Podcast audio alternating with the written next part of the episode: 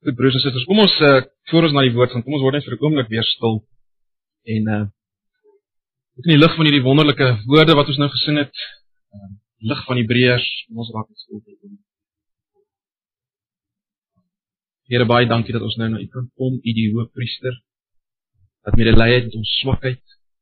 Maar U wat ons saak voor God kan bring omdat U 'n volkomme verlossing bewerk het vir ons. Dankie dat U ons aanvaarbaar maak voor die Vader. Moet ons geklee kan wees met met U geregtigheid, U lewe van liefde vir God en liefde vir alle mense wat wat ons nie het nie. Ons dankie daar. Dankie dat ons so genaamd voor die Vader kan kom vanoggend en nie verteer word deur die verteerende vuur God. Ons weet Here Jesus dis net as gevolg van U. U werk in ons plek. Ons dankie dan. En nou Here waar ons aan die einde kom van Hebreërs ons ook vra dat U nog hierdie laaste hoofstuk wat sal gebruik verse waarna ons op ons sal kyk. En ook as ons nog een of twee keer dan sal kyk, wil U dit gebruik om ons te bemoedig en te versterk aan te moedig op die pad van geloof totdat ons uiteindelik U van aangesig tot aangesig sal sien. Ons vra dit in Jesus se naam. Amen.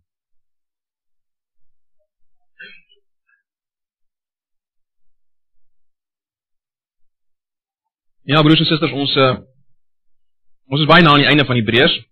Ons is by hoofstuk 13, die laaste hoofstuk. Hebreërs 13, kom ons lees die eerste 8 verse saam.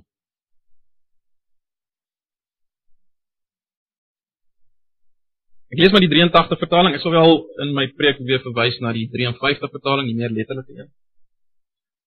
As broers moet julle mekaar altyd lief hê. Letterlik die broederliefde moet bly.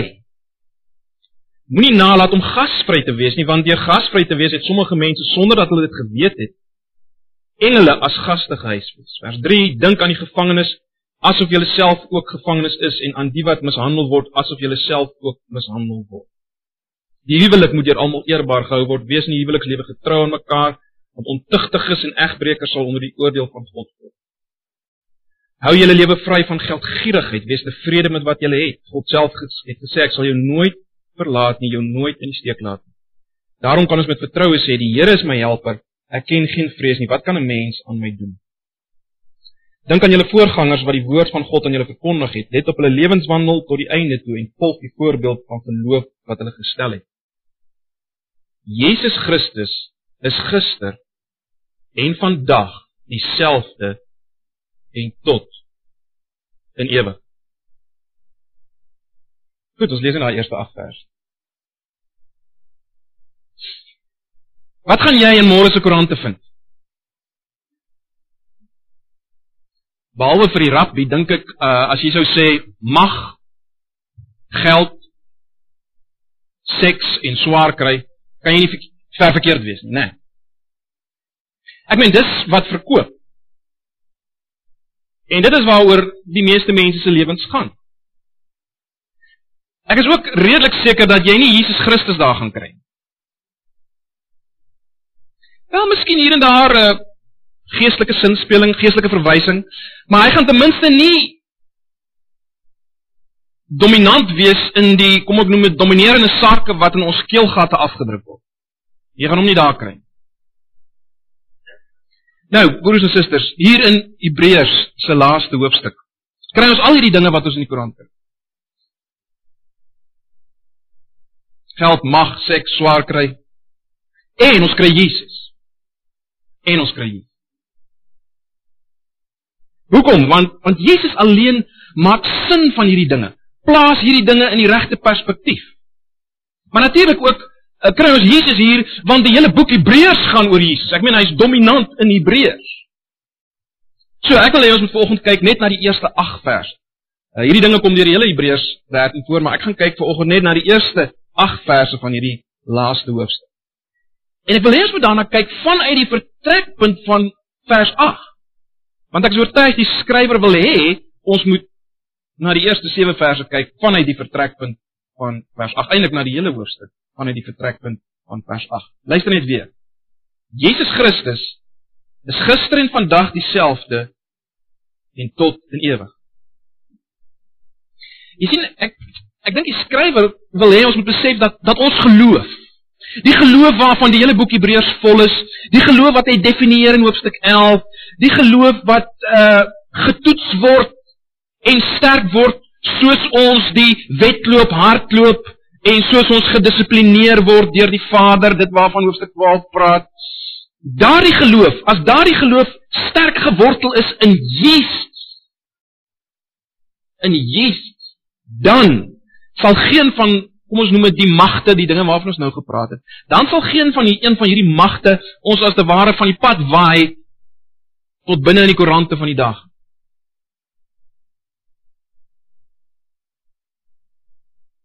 Geen van hierdie magte sal jou kan skade aandoen as jy geloof in Jesus is.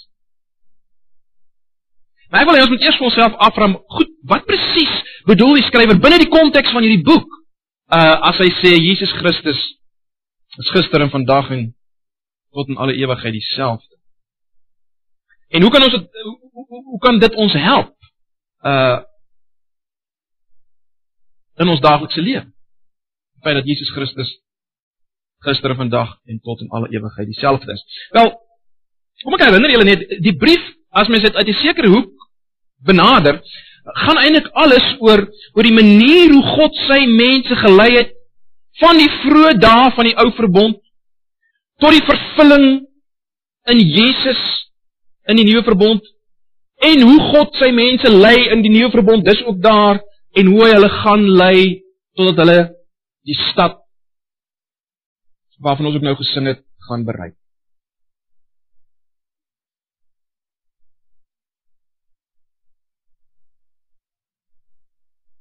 Jesus Christus dis wat die skrywer wil sê, is dieselfde gister. Hy is dieselfde gister. Of dieselfde as gister as jy. Dit beteken die Jesus wat ons nou ken deur die geloof en deur sy gees wat by ons is, daardie Jesus was dieselfde in die ou bedeling. Baie belangrik. Vanaf die skepping Met ander woorde, hy is nie nou anders as wat hy toe was nie en hierdie Jesus is nie of was nie toe anders as wat hy nou is. Hy is dieselfde. Julle sal onthou hoe begin Hebreërs, né? Nee, as julle nou terug kan dink, ek weet nie of julle nog kan onthou nie. Uh hoofstuk 1 vers 1 uh hoofstuk 1 die eerste 3 verse en dan ook weer uh vers 10 tot 12 maak baie duidelik dat Jesus van ewigheid af was dat hy mens geword het uh dat hy met ander woorde die hele wêreld ook gemaak het. Dis wat beklemtoon word. Hy is die een wat die wêreld gemaak het. Hy is van ewigheid af. Dis wat hoofstuk 1 beklemtoon. En daarom broers en susters baie belangrik ons moet nooit ook dink dat toe Jesus verskyn het was hy as te ware as mens dit so kan stel uh, 'n ander openbaring of 'n ander of 'n openbaring van 'n ander God. Dit is nie 'n ander openbaring of 'n openbaring van 'n ander God nie. Met ander woorde 'n ander God as wat Israel geken het nie. Nee nee, baie belangrik. Jesus was 'n vars openbaring van dieselfde God. Baie belangrik. Jesus was 'n vars openbaring van dieselfde God, die God wat Israel geken het in die Ou Testament. Uh, dit kan amper vergelyk word van iemand uh wat jy in lewende lywe ontmoet nadat jy vir baie lank net SMS'e van die persoon gekry het, nou en dan nou en dan 'n oproep van die persoon gekry het en nou ewe skielik ontmoet jy hom in lewende lywe. Dis Jesus. Dis Jesus. So, belangrik, wat die skrywer wil hê ons moet weet is dit, die Jesus wat by ons is deur sy Gees. Die Jesus wat by ons is, is nie anders as die God wat in die Ou Testamentiese geloofshelde waarvan hoofstuk 11 praat, gewerk het nie en by hulle was nie. Hy is nie anders nie. Jesus Christus is dieselfde. Gister. Dis dieselfde as gister.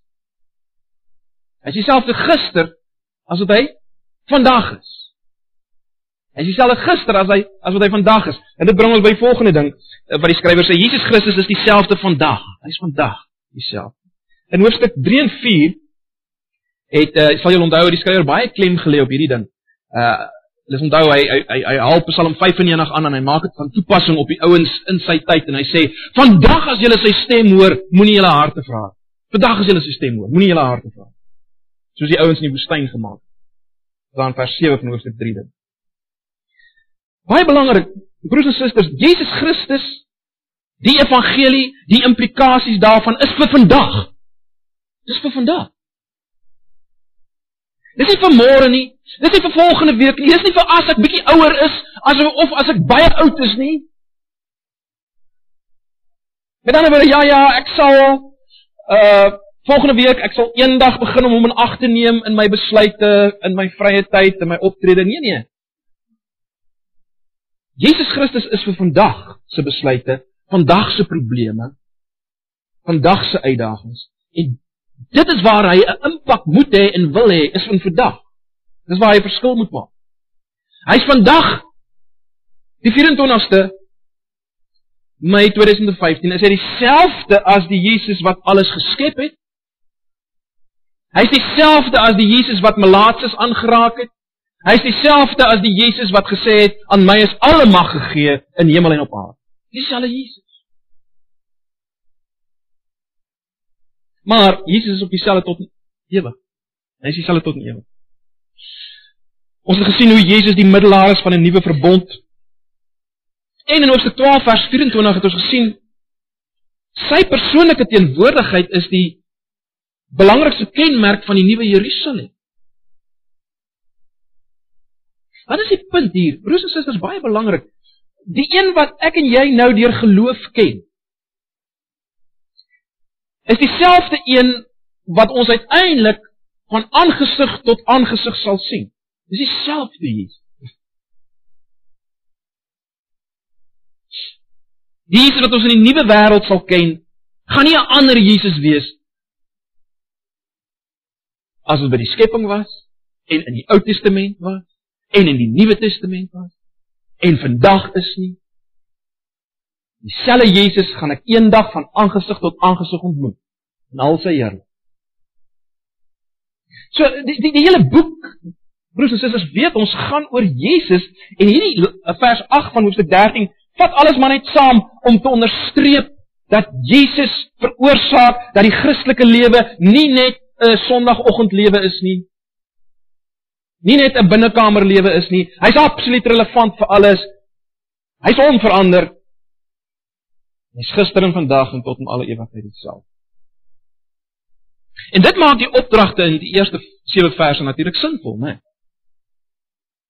En dit maak dit moontlik. En dit maak hierdie opdragte ononderhandelbaar. So kom ons kyk bietjie na hierdie opdrag. So ons beweeg nou terug na vers 1. Die eerste ding wat die skrywer sê is letterlik die broederliefde moet bly uh of soos die 83 vertaling dit sê as broers moet julle mekaar altyd lief hê. Dis asof die skrywer amper na die geweldige laaste gedeelte van hoofstuk 12 wil sê ja ja dis heerlik hierdie voorregte wat ons in die nuwe verbond het wat ons deel is dis dis so maar moenie vergeet om mekaar lief te hê nie. Dis eintlik waaroor dit gaan. Moenie vergeet om mekaar lief te hê. Hoekom moet die broederliefde bly? Want Jesus Christus is dieselfde gister, vandag en tot in ewig. Wat is broederliefde? Wel, dis natuurlik opofferende liefde vir medegelowiges.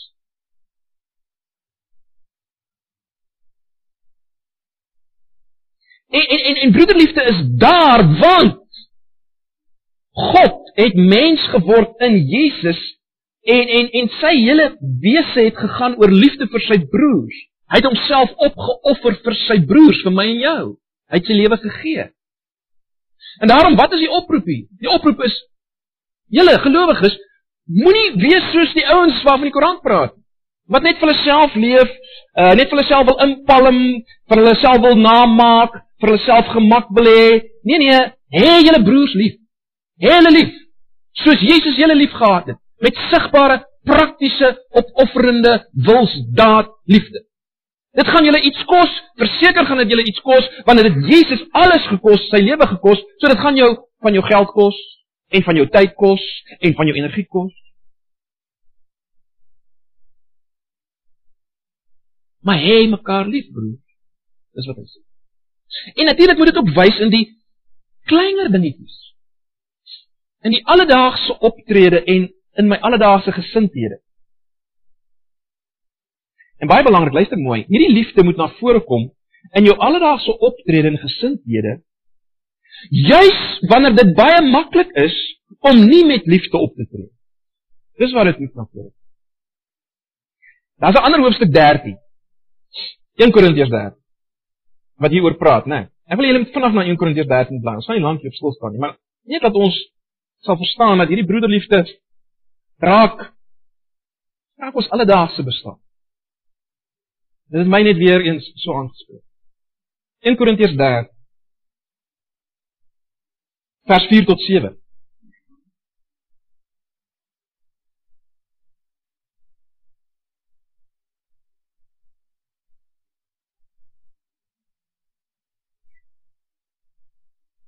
Die liefde is geduldig, die liefde is vriendelik, dis nie afgunstig letterlik jaloers. Is nie grootpraterig. Is nie verwaand. Dit handel nie onwelvoeglik nie, soek nie sy eie belang nie, is nie lig geraak nie, hou nie boek van die kwaad. Dis verbly hom nie oor onreg nie, maar verheug hom oor die waarheid. Dit bedek alles, glo alles, verdra alles.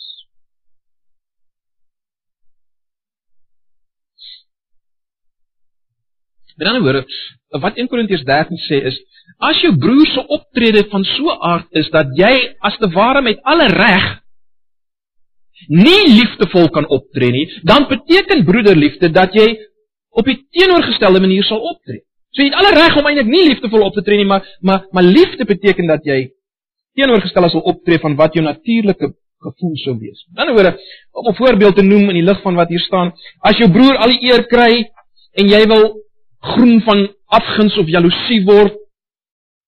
Wat beteken liefde? Dit beteken om nie jaloers te raak op daardie broer nie en dit beteken dat jy nie gaan groot praat sodat jy meer aandag kan kry nie. Dis hoe jy gaan lief hê. Dis hoe jy jou broer gaan lief hê. As jou broer iets vir jou sê of oor jou sê wat maak dat jy jou mond vyf bar wil opblaas, dan beteken liefde om te besluit om nie my mond op te blaas. En as jy gaan sit, as jy sit en planne maak oor hoe om jou broer terug te kry vir iets wat hy of gesê of gedoen het, uh, wat jou negatief geraak het, wat beteken liefde? Liefde beteken dat jy dan juis nie jou eie belang gaan soek nie en nie verbitterd gaan word en nie gaan probeer om terug te kry. Broers en susters, dis praktiese broederliefde. En die skrywer kom en hy sê, hierdie broederliefde, dit moet bly dit moet bly. Wat het dit te doen met Jesus? Wel Jesus het so lief. Hy het so lief gehad gister, hy het so lief vandag en hy het so lief tot in ewigheid. Hy het jou en my so lief. Hy het my en jou lief met 1 Korintiërs 13. Ag, ons kan baie hieroor praat. En hy het ons lief broers en susters met kruisliefde ten spyte van alles wat hy van my en jou weet. Hoor, ons kan niks van wegsteek nie. Hy weet alles. En hy het ons so lief. En baie belangrik net 'n laaste ding onder broederliefde. Onthou net as jy jou broers liefhet, het jy Jesus lief want hy's een met sy mense. Ek het al baie daaroor gepraat. Jesus is so een met sy mense dat hy vir Paulus kan sê toe Paulus uh die gelowiges vervolg het en, en Jesus ontmoet hom op Damaskus pad, hoe sê hy vir Paulus Saul, Saul, waarom vervolg jy my? Jesus is een met sy mens. In in in Johannes 15 sê Jesus as julle in die liefde bly, bly julle in my. As julle in die liefde bly, bly julle in my. Geweldig belangrik. Die broederliefde moet bly want Jesus Christus is er vandag en tot in ewigheid dieselfde. En en net om seker te maak dat ons verstaan dat dat liefde baie prakties moet wees en baie op die grond moet wees, kom hy in die volgende vers en hy sê uh vergeet die gasvry. Vergeet die gasvry.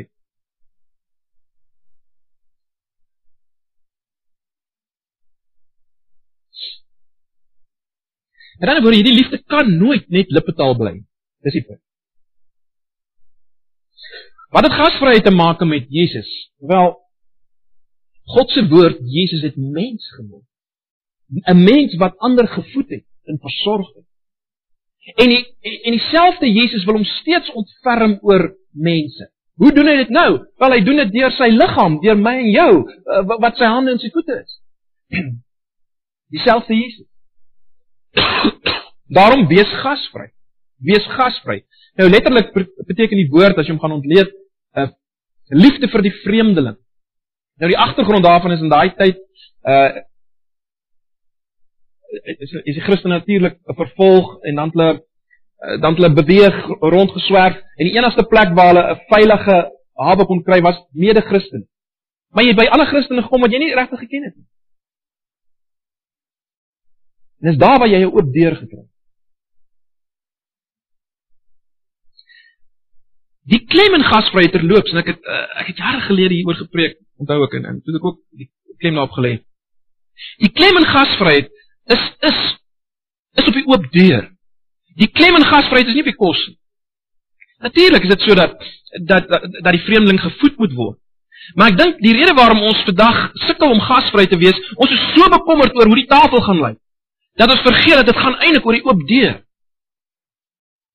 Dit gaan eintlik om uh, die feit dat jy daai vreemdeling innooi. Die Christen, die mede Christen wat jy nie wat jy nie werklik goed ken nie, of die een wat deur niemand anders genooi word in ons konteks. Hier is natuurlik ook 'n ander motivering in hierdie vers. Uh 'n ander motivering waarom ons moet gasvry wees. Julle sou gesien het, uh die skrywer verwys uh na sommige mense wat engele gehuisves het sonder dat hulle dit weet. Nou, hy verwys natuurlik na Genesis 8 na Abraham wat gasvry opgetree het teenoor uh die drie mans wat daar verskyn het. Nou as jy gaan kyk na Genesis 18, dan's al die aanduidings daar, is baie interessant. Uh, ons het nou tyd nie, maar gaan lees dit maar vanmiddag. Alle aanduidings is daar dat een van hierdie drie mans of dan engele as jy wil teen teenoor wie Abraham gasvry opgetree het. Een van hulle was baie duidelik die Here self. Gaan lees dit. Dis baie duidelik die Here self is een van hulle. Waarskynlik 'n uh, 'n voorinkarnasie, met ander woorde 'n voormenswording verskyning van Jesus verskyning. Baie interessant. En nou is dit interessant as mens kyk na wat Jesus sê in Matteus 25. Matteus 25 daarvan vers 35, dan sê hy die volgende. Hy praat van hierdie koning en is natuurlik 'n verwysing na homself wat vir die ouens aan sy regterhand sal sê Matteus 25 vers 35 Want ek het honger gehad en julle het my iets te ete gegee. Ek het dors gehad en julle het my te drinke gegee. Ek was 'n vreemdeling en julle het my herberg gegee. Ek was naak en julle het my geklee. Ek was siek en julle het my besoek. In die gevangenis was ek en julle het na my toe gekom. Jesus sê dis wat die koning en hy verwys na homself sal sê op die oordeelsdag vir die gelowiges. En dan oor broers en susters is geweldig, is dit nie? Wees gasvry nie net omdat Jesus so is nie en altyd so was en so sal wees nie, maar wees so gasvry omdat jy Jesus huisves as jy gasvry is teenoor medegelowiges. Dis die punt, is dit nie? Want Jesus is een met sy mense, ek het dit nou reeds gesê. Jesus is een met sy mense. So. Moenie nalat om gasvry te wees. Moenie nalat om gasvry. Gepraat van gevangenes waarvan Matteus 25 of vanaf Matteus 25 ook verwys. Die skrywer kom en hy sê in vers 3, dink aan die gevangenes. Nou, die gelowiges in Hebreërs het in die verlede praktiese hulp aan gevangenes gegee, dis duidelik uit ons 10 vers 34. Hier word hulle geroep om dit voor te sit. Hulle word gevra om te dink aan die gevangenes. Met ander woorde, hê die gevangenes heeltyd in julle gedagtes, dink aan hulle. Maar baie interessant, Hy sê dink aan hulle asof jy hulle medegevangenes is. Met ander woorde, dink aan hulle asof jy daar sit tussen hulle en jy kyk na hulle. Jy kyk na die ouens rondom jou. Jy sit in die gevangenis. Dink so aan hulle. En dan sê hy ook, hy gaan aan en hy sê doen dieselfde met die ouens wat mishandel is.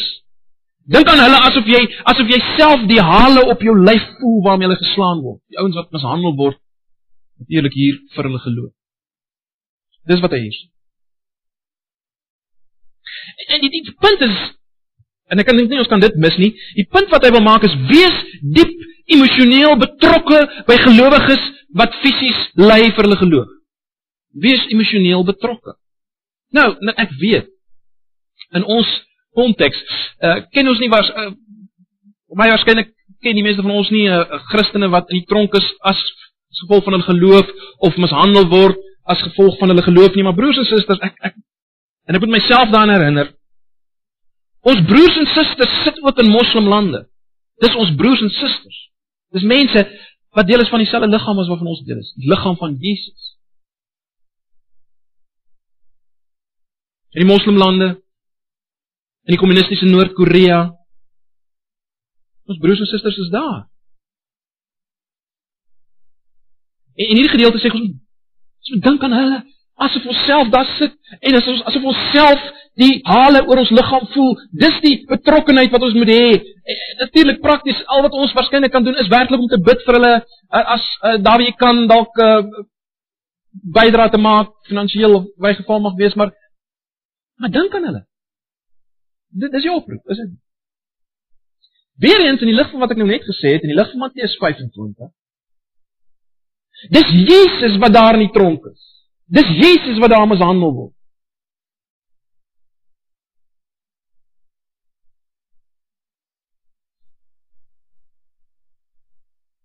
En hy dink aan hom.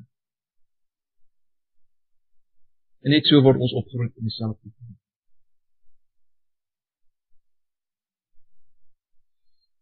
Dink aan die gevangenes. Dink aan die wat mishandel. Dan kom hy in vers 4 en hy kom by 'n heel ander saak. Hy praat oor die huwelik wat eerbaar gehou moet word en die seksuele verhouding wat rein gehou moet word. Die punt hier is is dit die, die wat weet dat Jesus Christus 'n realiteit is gister en vandag, en die klem op vandag nou hier uh die wat weet hy is so 'n realiteit, kan nie anders dat dit ook 'n effek het op op hulle huwelik en op hulle seksualiteit, né? Nee, hulle kan nie anders nie. Nou die, die koerante herinner ons elke dag, die media op verskillende maniere herinner dit ons aan die feit dat die huwelik nie veel werd is nie. Dit is uit die oude doos, dis 'n grap, dis 'n karikatuur. Dis hoe dit uitgebeeld word oral. Nou wat die skrywer hier sê is letterlik, hy sê laat die huwelik geweldig waardevol wees onder julle. Beskou dit as waardevol. En en ons weet hoekom dit so is. Uh, Paulus in Efesiërs 5 sê vir ons die huwelik is 'n afbeelding van die verhouding tussen Jesus en sy kerk. En as Jesus Christus dieselfde is, wel, dan kan dit mos nooit ouderwet wees. Nooit waarde, nie waarde. So dis dis die punt. En dan sê skrywer verder, letterlik gebruik hy die term, hy sê laat die huweliksbed onbesmet gehou word. Dis wat eintlik letterlik daar staan. En natuurlik verwys hy na die seksuele in die Dit moet onbesmet gehou word. Hoekom moet dit onbesmet gehou word? Want die seksuele in die huwelik tussen man en vrou is 'n afbeelding van die eenheid tussen ons en Christus. Daar's 'n diep geheimenis daarin. Dis nie 'n goedkoop ding wat Hollywood daarvan maak nie. Dis iets heilig. Dis 'n afbeelding van die verhouding tussen Christus en ons, die eenheid tussen Christus en ons. Dis waaroor seks gaan. Dis waaroor dit gaan. Vir Christus. So Jesus Christus het iets te sê vir jou seksualiteit. Vir jou sekslewe. Hy het iets te sê daaroor. Dis die punt. Moenie dit besmet nie. En dan sou al gesien het hy hy maak dit baie duidelik. God voel baie ernstig daaroor. Hy sal mense straf wat daarmee speel. Baie duidelik, is dit nie? Ontugtiges en egbreekers sal onder die oordeel van God kom, sê ons.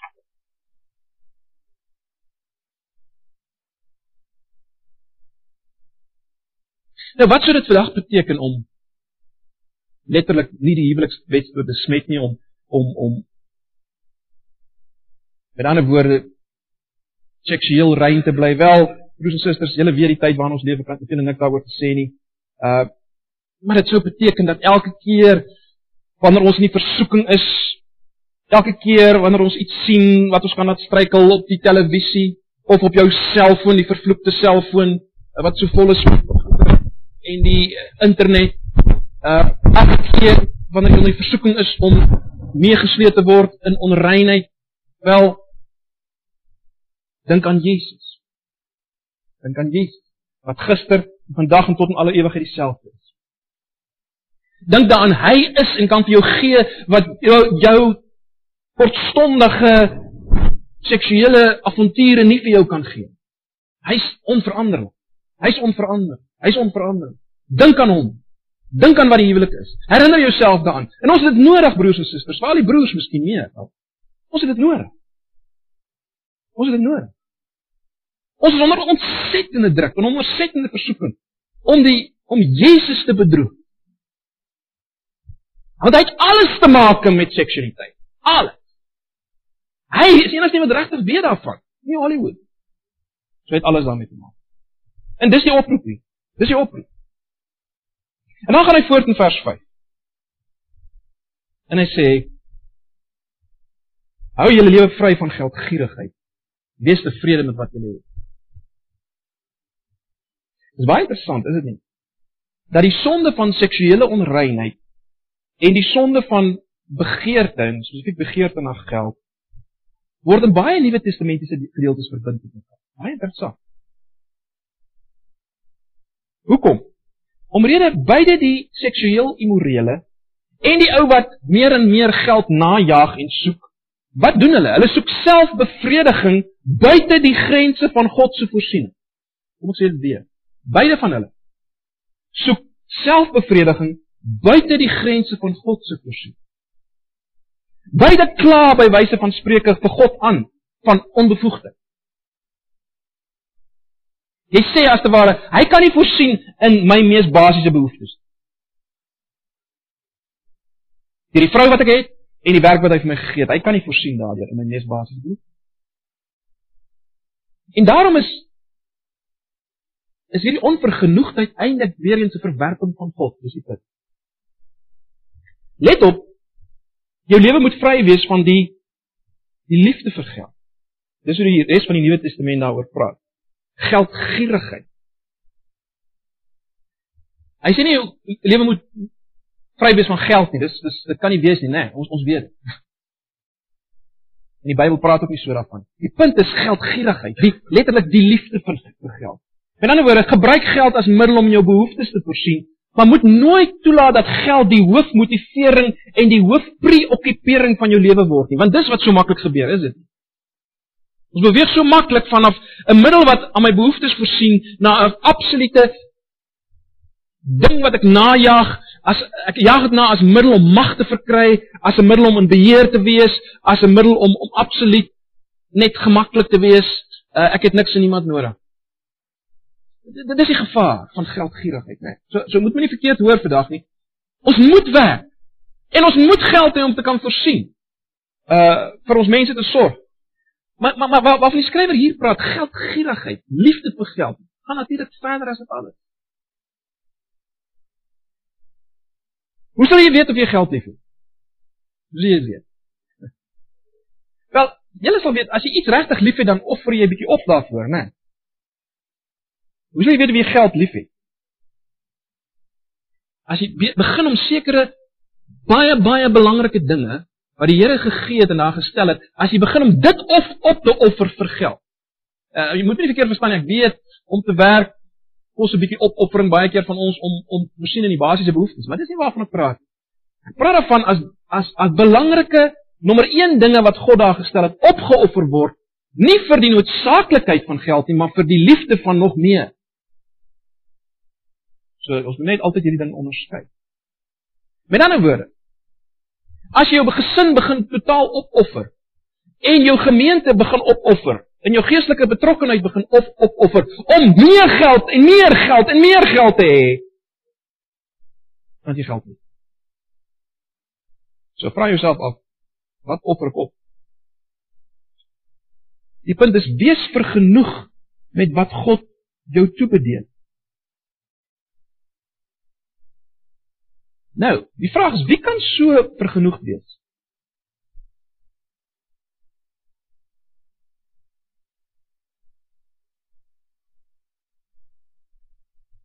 Wel? Kyk na vers 5.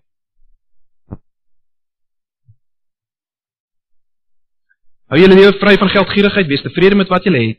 God self het gesê, ek sal jou nooit verlaat nie en jou nooit in die steek laat nie.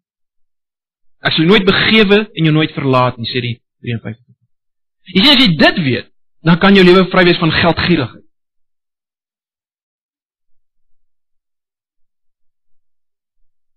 Letterlik in die, is, is interessant in die Grieks uh, staan hier letterlik ek sal jou nooit ooit ooit begewe verlaat. Dit is 'n baie sterk term wat gebruik word in die Grieks. Ek sal jou nooit ooit ooit begewe verlaat. Glo jy dit? Ek vra myself of ek dit glo. Onthou nou weer as Jesus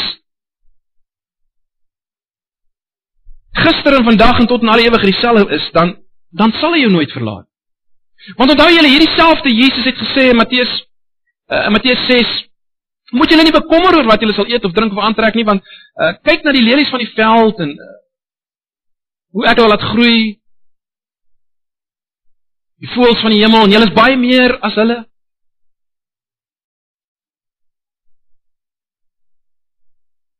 Jy sien broers en susters as ek en jy dit werklik kan bely Hy sal my nooit ooit begewe verlaat. Dan kan jy sê wat wat, wat die volgende gedeelte sê, né? Vers 6. Sien julle vers 6? Daarom kan ons met vertroue sê, die Here is my helper. Ek ken geen vrees nie. Wat kan 'n mens aan my doen? Dit is natuurlik 'n aanhaling uit Psalme 118 vers 6 en 7. Dat bevestig uh, of waar die Here bevestig dat dat die planne van die goddelose gedwarsboom sal word. Uh deur God se voorsiening. Hulle sal die, die goddelose sal niks aan jou kan doen nie want God sal voorsien, dis die punt daar. Dit dit moes 'n ontsettende uh, bemoediging gewees het vir die ouens in in in die Hebreërs gemeente, né, nee, want uh, ek het al daarna verwys, hulle is gedwing om hulle uh hulle eiendom, hulle besittings op te gee omdat hulle Christene was. So, dis 'n geweldige stelling vir hulle. 'n geweldige stelling vir hulle. Maar die beginsel vir ons bly dieselfde, is dit nie? Jesus was dieselfde God wat vir die ouens in die Hebreërs gemeente gesorg het. Hy is dieselfde God as wat vir die ouens in die Ou Testament gesorg het. Dis dieselfde Jesus. Hy self het die pad van vergenoegdheid gestap met die pad wat God vir hom gegee het, né? Nee, baie belangrik. Hy is die begin en volëinder van ons geloof. Hierdie Jesus. Maar natuurlik sukkel ons almal hiermee, né? Nee. En dan dis hoekom die skrywer kom in vers 7 en hy sê Dink aan julle voorgangers wat die woord van God aan julle voorgehou het. Let op hulle lewenswandel tot die einde toe en volg die voorbeeld van geloof wat hulle gestel het. In ander woorde, wat sê hy vir die ouens in die Hebreërs gemeente? As julle sukkel hiermee, as julle sukkel om die Here so te vertrou, om vergenoeg te wees met God se voorsiening, as julle sukkel hiermee, wel, dink aan die ouens wat die woord aan julle verkondig het. Dink aan die apostels. Ouens soos Paulus en die ander apostels. Kyk nou hoe hulle gelewe het en kyk nou hoe hulle geëindig. Kyk nou hoe hulle geëindig. Dis dit. Kyk nou. Nou, broers en susters. Hulle moes vir hulself sê, kyk. Jesus Jesus is mos dieselfde. Die Jesus wat ons aanbid is mos dieselfde Jesus as wat Paulus aanbid. Dis wat hulle vir hulle self moet sê. En en en en ons, wel ons het ook baie voorbeelde, het, het ons nie. Gaan lees maar 'n bietjie die sending geskied. En ek seker daar's daar's daar's ander persone wat jy ken. Uh wat volgens wêreldse standaarde nie veel gehad het nie. Nie baie beïndruk het volgens wêreldse standaarde nie. Maar dis mense vir wie die Here nooit ooit ooit begewe of verlaat het tot die einde van hulle lewens nie, jy kan dit sien.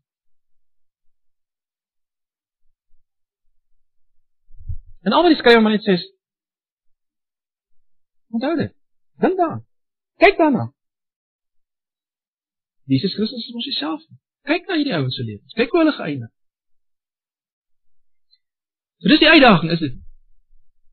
Ag, broers en susters, dis my gebed dat dat elkeen van ons en en ek bid dit vir myself want uh die Here weet vanoggend dat ek tekort kom hierin, geweldig. Maar dis die uitdaging, is dit nie? Al die wonderlike waarhede wat ons gesien het in Hebreërs, is dit nie is dit nie geweldig? Want dit wat Jesus vir ons gedoen het, sy volkomme werk in ons plek en ons verlossing. Al hierdie dinge is is is geweldig. Ja. Dit is ongelooflik om onsself dit verbly daarin. Maar broers en susters, dit moet op 'n stadium grond toe kom. Is dit?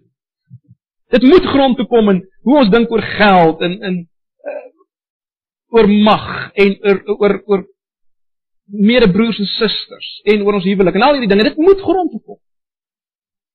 Die wonderlike waarhede van die Bybel. Dit is my gebed dat dat die Here ons daarmee sal help. Ehm en dat as ons klaarmaak met Hebreërs dat ons sal weet hierdie hierdie goed het 'n impak het 'n impak op my lewe.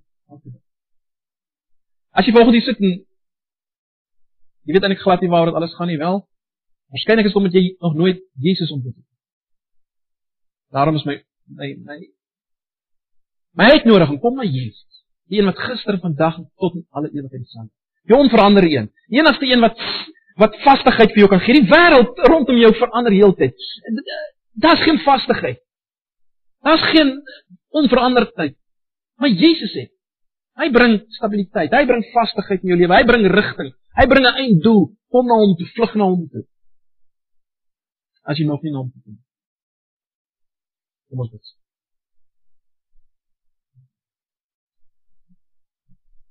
Ag Here Jesus, baie dankie vir u woord. Dankie vir Hebreërs. Dankie vir ons werking. Bo alles dankie vir u self. Kom maar ek bid dat U woord sal gebruik in my eie lewe en ons elke se lewens wat ons sit en ons verander sodat ons in ons lewens hier en nou vir die wêreld sal kan wys dat ons dien 'n Jesus wat gister en vandag en tot in ewigheid dieselfde is. Daarom word ons nie meer gesleer deur elke nuwe gier en mode en beweging en gedagte en filosofie.